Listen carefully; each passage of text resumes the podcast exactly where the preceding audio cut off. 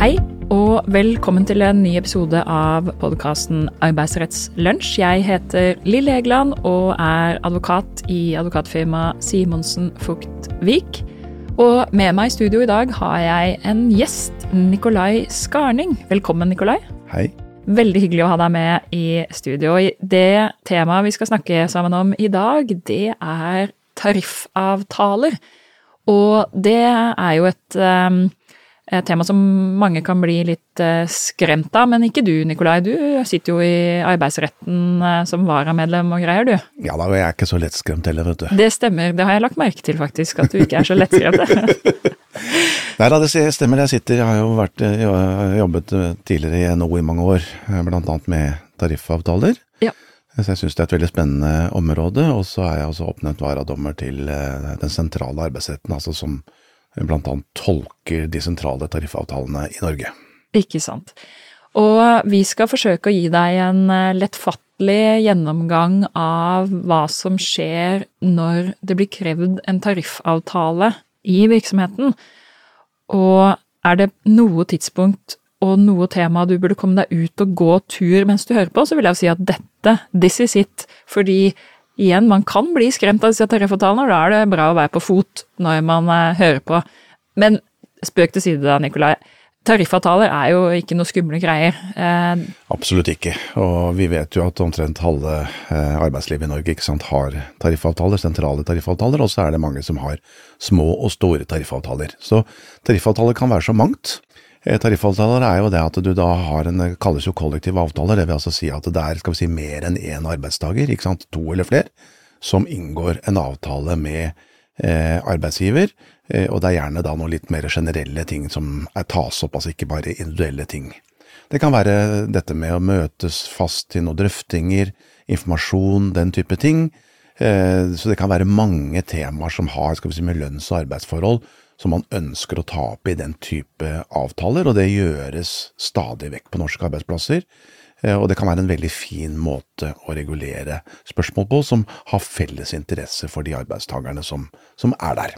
Ikke sant. Så vi har de store landsomfattende tariffavtalene, og så har vi altså masse forskjellige små eh, tariffavtaler som kan dreie seg om bedriftshytteordninger, trimrom, kantiner og alt mulig rart. Det er alt mulig i denne kategorien. Ikke sant. Og drar man dette veldig historisk tilbake, så sier man jo at uh, hele den norske arbeidsretten uh, er jo basert og bygd på det såkalte arbeidslivets grunnlov, uh, hovedavtalen mellom nåværende LO og NHO. Ja, fra 1935 ikke sant, går jo historien helt tilbake. Så det er en lang historie på det. og den gangen så var det mange konflikter i arbeidslivet, mye streiker og lockouter og den type ting, og så løste man da dette gjennom at man fikk denne hovedavtalen på plass. Og så er det jo da slik at uh, tariffavtalene har da den store fordelen ved seg at de pålegger arbeidstakerne fredsplikt. Det vil si at man da ikke har lov til å gå saktaksjoner eller kollektivt uh, sykemelde seg, kollektivt komme med aksjoner mot arbeidsgiver. Mm. Er det inngått en tariffavtale, så er det fredsplikt. Mm. Og det vil altså si at uh, uenighet og tvister da må man eventuelt gå til arbeidsretten med hvis man er uenig i tolkningen av de tariffavtalene man har inngått. Mm. Tariffavtalen ligger over arbeidsavtalene. Så det overstyrer på en måte eh, arbeidsavtalene på kollektivt eh, nivå. Ikke sant, så, så det, er jo, det, er jo, absolutt fordeler ved det, og, og, i tillegg så har man en tariffavtale, litt avhengig av med hvilken organisasjon osv., så, videre, så har man jo også større fleksibilitet til å avtale f.eks. innleie og eh, andre typer arbeidstidsordninger, f.eks. Så det, det, er jo eh, store fordeler ved tariffavtalene. Så kan du si at eh, noen ulemper kan man vel også tenke på hvis, eh, hvis man er bundet av en tariffavtale. Eh, for eksempel så er det vel sånn at i og med at du har da avtalt en rekke forhold, så kan man i mange situasjoner si at arbeidsgiver har begrenset styringsretten sin noe, eh, hvis man har inngått en tariffavtale. Er det, hvis vi skulle tenke fordeler og ulemper, er det noen andre typer ulemper man kan komme på hvis tariffavtalen blir ja, bli bindende? Ja, det er det, og det er veldig fint du tar opp det temaet der. For det, først så er det som du sier, det er, det er i lovverket en god del fordeler med tariffavtaler. Altså at du kan lage arbeidstidsordninger som er tilpasset bedriften. Eh, nå i, i, i, år så er det mye diskusjoner rundt dette med innleie, og da vil jo innleie fra vikarbyråer kunne benyttes hvis du har tariffavtale med de store fagforeningene f.eks. Mm. Og dessuten så er det en fordel at du kan koordinere lønnsfastsettelse, den type ting. Så slipper du på en måte at hver eneste ansatt kommer løpende inn til personalsjefen eh, og skal ha lønnsøkning. Du koordinerer også alt mulig av sånne ting i litt større virksomheter. Så mange fordeler med eh, tariffavtaler. Eh, og du har AFP-ordninger, altså for sliteren osv. i de bedriftene som trenger den type ordninger. Så er det på ulempesiden, som du sier, og det første ulempen er jo at arbeidsgiver altså binder opp sin styringsrett. Og det vil altså si at eh, mye styringsrett går inn i tariffavtalen, og arbeidsgiver må da bare forholde seg til den. Så det kan ses på som en ulempe i en del sammenhenger, og dette betyr egentlig bare at hvis du som arbeidsgiver blir møtt med et krav om tariffavtale, enten liten eller stor, så må, må du etter min oppfatning alltid gå til advokat, et advokatkontor og være med og diskutere og analysere hvilke krav man står overfor. Mm. Rett og slett fordi at man må være oppmerksom på både hvilke goder man får, Eh, og man vil jo som bedriftsleder prøve å ta, sette inn også de godene som bedriften trenger. Og så må man samtidig være klar over hvilke ulemper man får. Eh, fordi at eh, har man først inngått en tariffavtale, så er det vanskelig å komme ut av den. Mm. Slik at man blir på en måte stuck med den tariffavtalen man har. Og derfor så må man passe på at den tariffavtalen er tilpasset virksomhetens behov. Ikke sant. Den analysen må man gjøre. Men la oss gå til det temaet, ja. Eh, man er en virksomhet eh, og får et krav om tariffavtale fra en arbeidstakerorganisasjon. La oss begynne der. Er det noe forskjell da på om du er som arbeidsgiver medlem av en arbeidsgiverforening eller ikke, når du skal ta stilling til om du eh, vil akseptere den, det kravet? Nei, du kan si egentlig ikke. Altså, på en måte er vel svaret ja, på sett og vis, i den forstand at hvis du er med allerede med i en arbeidsgiverforening, så eh, vil du nok noe lettere komme inn i, også i en av de tariffavtalene som den arbeidsgiverforeningen har. Eh, og det kan godt være et, også et ønske. Eh, eksempel i hovedavtalen så er det et krav om 10 eh, medlemmer, og hvis du først har det, så har bedriften, eller så har de ansatte krav på å få tariffavtale med bedriften, mens mm. utenfor så er det ikke de samme kravene etter arbeidstvistloven. Men du kan si, i utgangspunktet så har det egentlig ikke så stor betydning om du er med i en arbeidsgiverforening eller ikke, du kan bli stilt i begge situasjoner overfor et krav om en tariffavtale. Mm.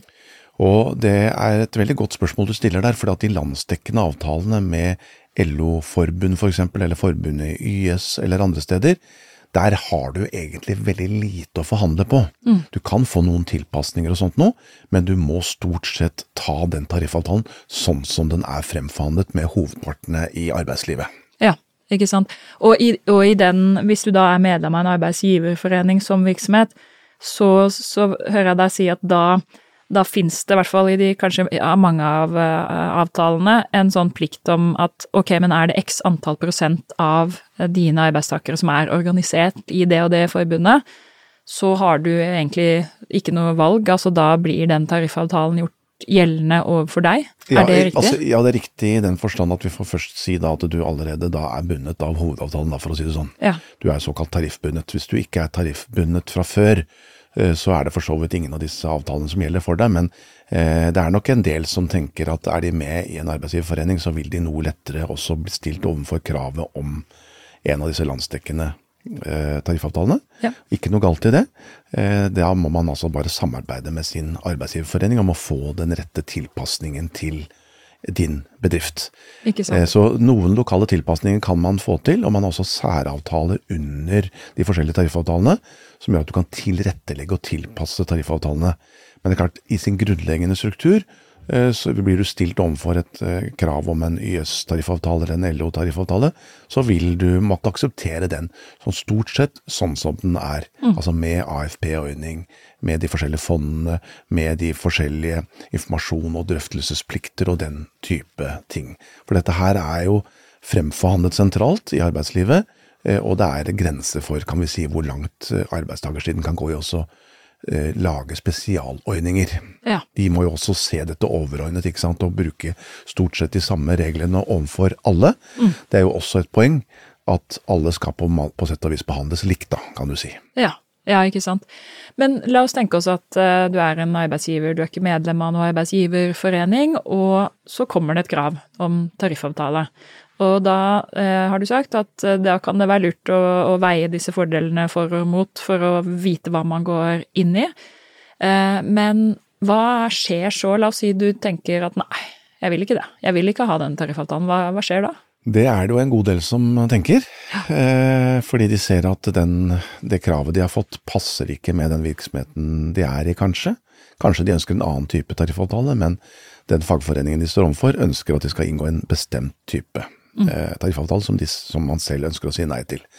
Da må man også analysere den situasjonen veldig nøye. For det som da skjer etterpå, er at eh, ganske rutinemessig er at fagforeningen da vil eh, eventuelt varsle streik. Da blir dette en tvist som blir sendt til riksmekler, og så er det gjerne en 14 dagers frist. Eh, Mekleren legger ned forbud om streik i første runde, men man må inn der. Sier man da nei også hos krets- eller riksmekler, så kommer man altså i en situasjon hvor det kan benyttes kampmidler mot bedriften. Og det betyr i første omgang at eh, fagforeningen da vil ta ut i streik de medlemmene de har. Ja. Det kan være ett medlem, eller det kan være flere medlemmer. Vanligvis så vil fagforeningen vente med å gå til streik før de har et visst antall medlemmer, slik at streiken på en måte slår hardt nok inn hos arbeidsgiver til at arbeidsgiver faktisk sier ja til slutt til tariffavtalen. Det som eh, nok noen arbeidsgivere undervurderer her, det er at hvis de først møter de store forbundene eh, og kravene derfra, så vil også en streik etter hvert kunne støttes opp av eh, boikotter fra andre fagforeninger. Eh, vi har sett det f.eks. med restaurantene eh, som ble utsatt for eh, da streik. Så kommer det også da sympatiaksjoner, boikottaksjoner fra andre fagforeninger, som gjør at man får problemer med å få levert varer osv. Altså andre foreninger kan støtte en lovlig streik Ja. i bedriften, og dermed legge enda større press på bedriften. Så det er et bilde som vi rådgir de virksomhetene som kommer til oss og spør skal vi ta en tariffavtale eller ikke. Så spør vi også ja, hvor mange eh, medlemmer har fagforeningen hos dere? Eh, Hvordan analyserer dere situasjonen i tilfelle dere blir utsatt for en streik? Er det noe dere kan tåle? Og hvis bedriften sier til oss da at nei, vi kan ikke tåle en streik, vi, og de har mange medlemmer hos oss, så vi kan ikke tåle en streik. Da sier vi som så at ok, nei, men da må dere gå i forhandlinger, og så må dere faktisk inngå en tariffavtale, men da kan vi hjelpe dere med å få den tariffavtalen så tilrettelagt som mulig, og så god som mulig tilpasset din virksomhet. Ikke sant. Men la oss gå over til det punktet, da. Eh, arbeidsgiver har bestemt seg for at ja, vi inngår en, eh, en tariffavtale. Så har vi allerede snakket litt om hva er fordelene med det, men, men hva er liksom for, Si litt av hva er konsekvensene egentlig av å inngå en tariffavtale? Tariffavtalene de løper vanligvis, kan du si, for to år av gangen.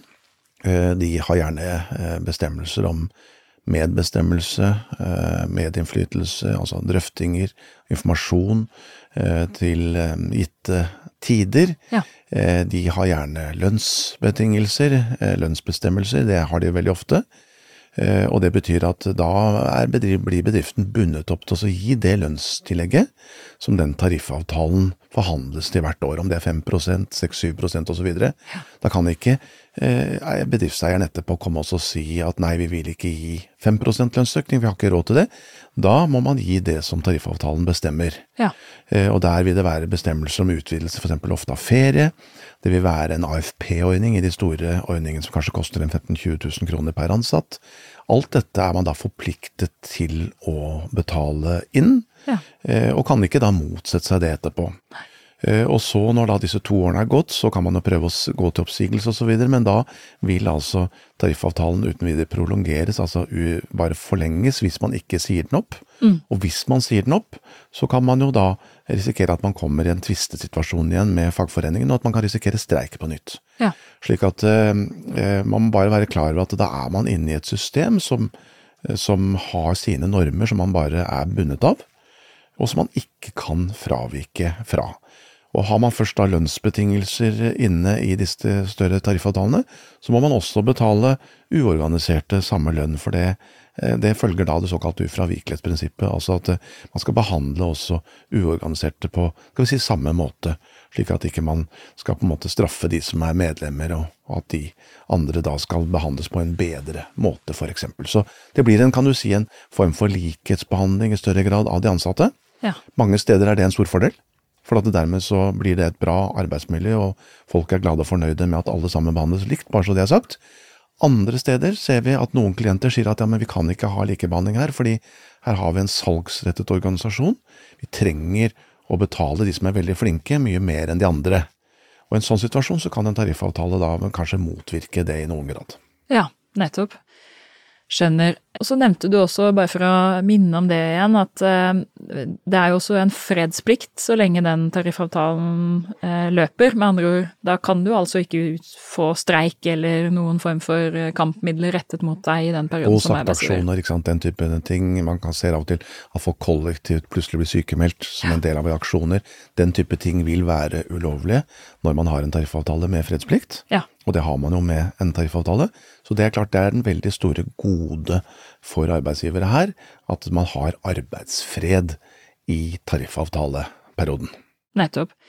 Men la, da har vi altså, la oss si vi nærmer oss eh, slutten av den toårs eh, løpetiden til eh, tariffavtalen, da.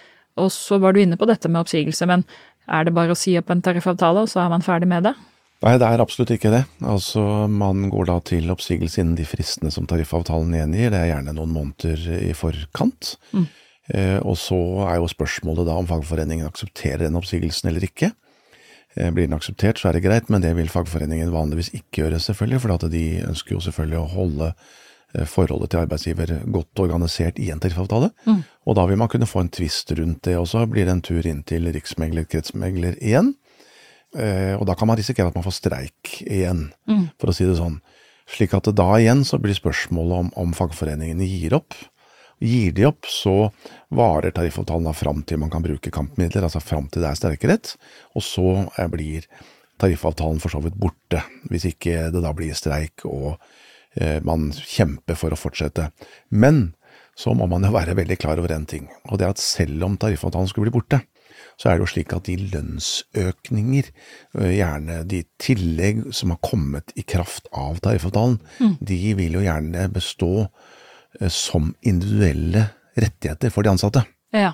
Slik at det er klart at de lønnsøkninger og alt det som har kommet i forbindelse med øh, tariffavtalen, kanskje individuelle tillegg osv., de vil fortsatt bestå selv om tariffavtalen blir borte.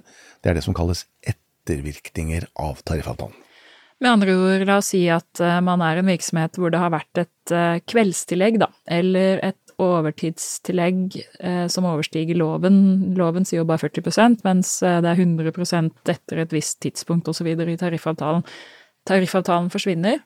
Sier du da at disse tilleggene består, selv om tariffavtalen ikke er det? Jeg tror vi trygt kan legge til grunn at den type skal vi si, individuelle rettigheter som de ansatte har opparbeidet seg gjennom tariffavtalen, de vil da bestå som skal vi si, individuelle rettigheter. Vi ser i hvert fall fra rettspraksis at det er veldig stor grad av ettervirkninger på det som kan vi si, de ansatte kan utlede som sine individuelle rettigheter.